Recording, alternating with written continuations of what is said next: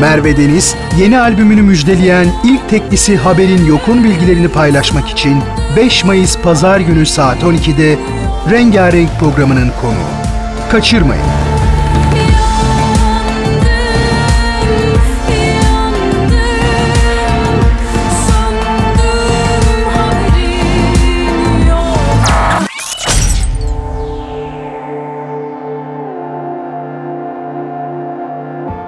Merhaba Radyo Gerçeğe hoş geldin. Nasılsın? Keyifler nasıl? Merhabalar. Valla keyifler çok iyi. Şarkımızı çıkardık. Hem heyecanlıyım hem bir taraftan e, tepkilerle karşılaştıkça böyle bir rahatlama geliyor falan.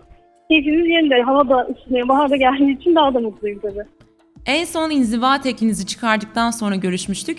Bu arada çok güzel coverlar paylaştınız dinleyicilerinizle ve şimdi Haberin Yok isimli yeni bir tekli ile karşımızdasınız.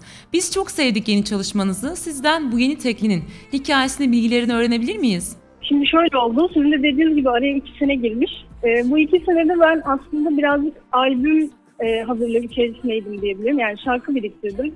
Yazdığım şarkılar çoğaldı. Onların hikayesini birbirine bağladım Derken e, albümü Eylül-Ekim gibi paylaşmayı şu anda niyet ediyoruz. Ama araya biraz zaman girecek diye dedik ki biz bu şarkıyı önden paylaşalım. Hatta bir şarkı daha çıkacak sonrasında.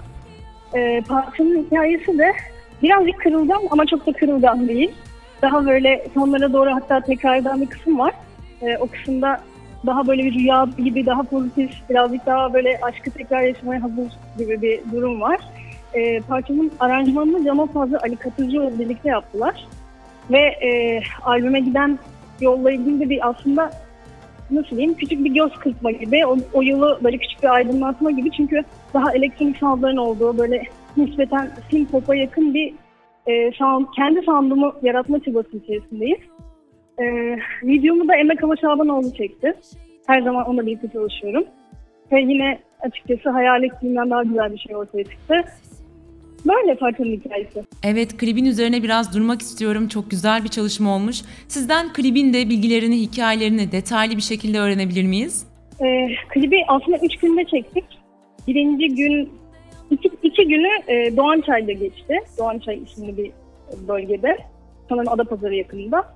Orada böyle ormanın ortasında kalan, dağların ortasında kalan bir evin içerisinde yaptık çekimleri. Orada iki gün sürdü. E, ardından başka bir mekanda yine bir e, sisli küvet sahnesi var. O kısmı çektik. Açıkçası o birazcık zorladı. Diğer kısımlarda hikaye, zaten hikayenin peşinden gidiyorduk. Her şey kafamızdaydı. Fakat e, ben daha önce hiç suda bir çekim yapmamıştım. Yani su altı olmasa diye bayağı zorluyormuş. Onu, onu bayağı bir tecrübe ettik. E, sis dağılıyor, işte suyun ısısı bilmem nesi işte e, ben birazcık buruşuyorum, parmakları falan buruşuyor sizinle için gibi şeyler.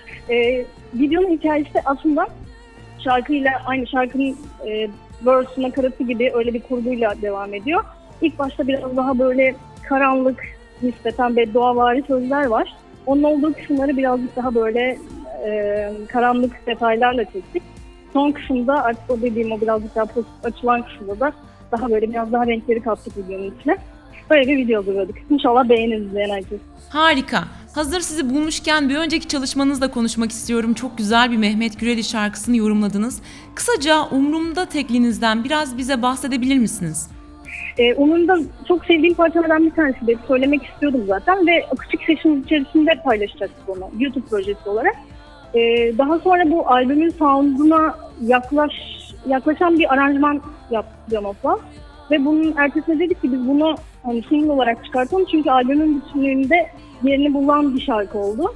Zaten sözleri beni aşırı etkileyen bir şarkıdır ve kendi yaratmaya çalıştığım hikayenin içerisinde de çok böyle ait hissettim söylerken.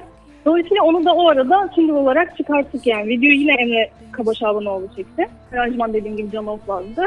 Ee, onu da, onunla ilgili de güzel reaksiyonlar aldık açıkçası böyle bir şey yani içim kıpır kıpır. Güzel bir şeyler oluyormuş gibi hissediyorum. Harika. YouTube'daki cover çalışmalarınız da çok keyifli. Bunlara devam edecek misiniz? Veya bunlardan bir albümünüzde yer alacak mı? Ee, aslında o kısmı birazcık albümümden ayrı tutmak istiyorum. Yani akustik seçimde e, cover olan parçaları. Ama şöyle bir şey var. E, orası daha böyle bir daha hızlı üretebildiğimiz, daha hızlı paylaşım yapabildiğimiz bir yer olduğu için onu hep korumak istiyorum. Çünkü dinleyen insanlarla, beni dinleyen insanlarla Orada sıcak bir bağımız var.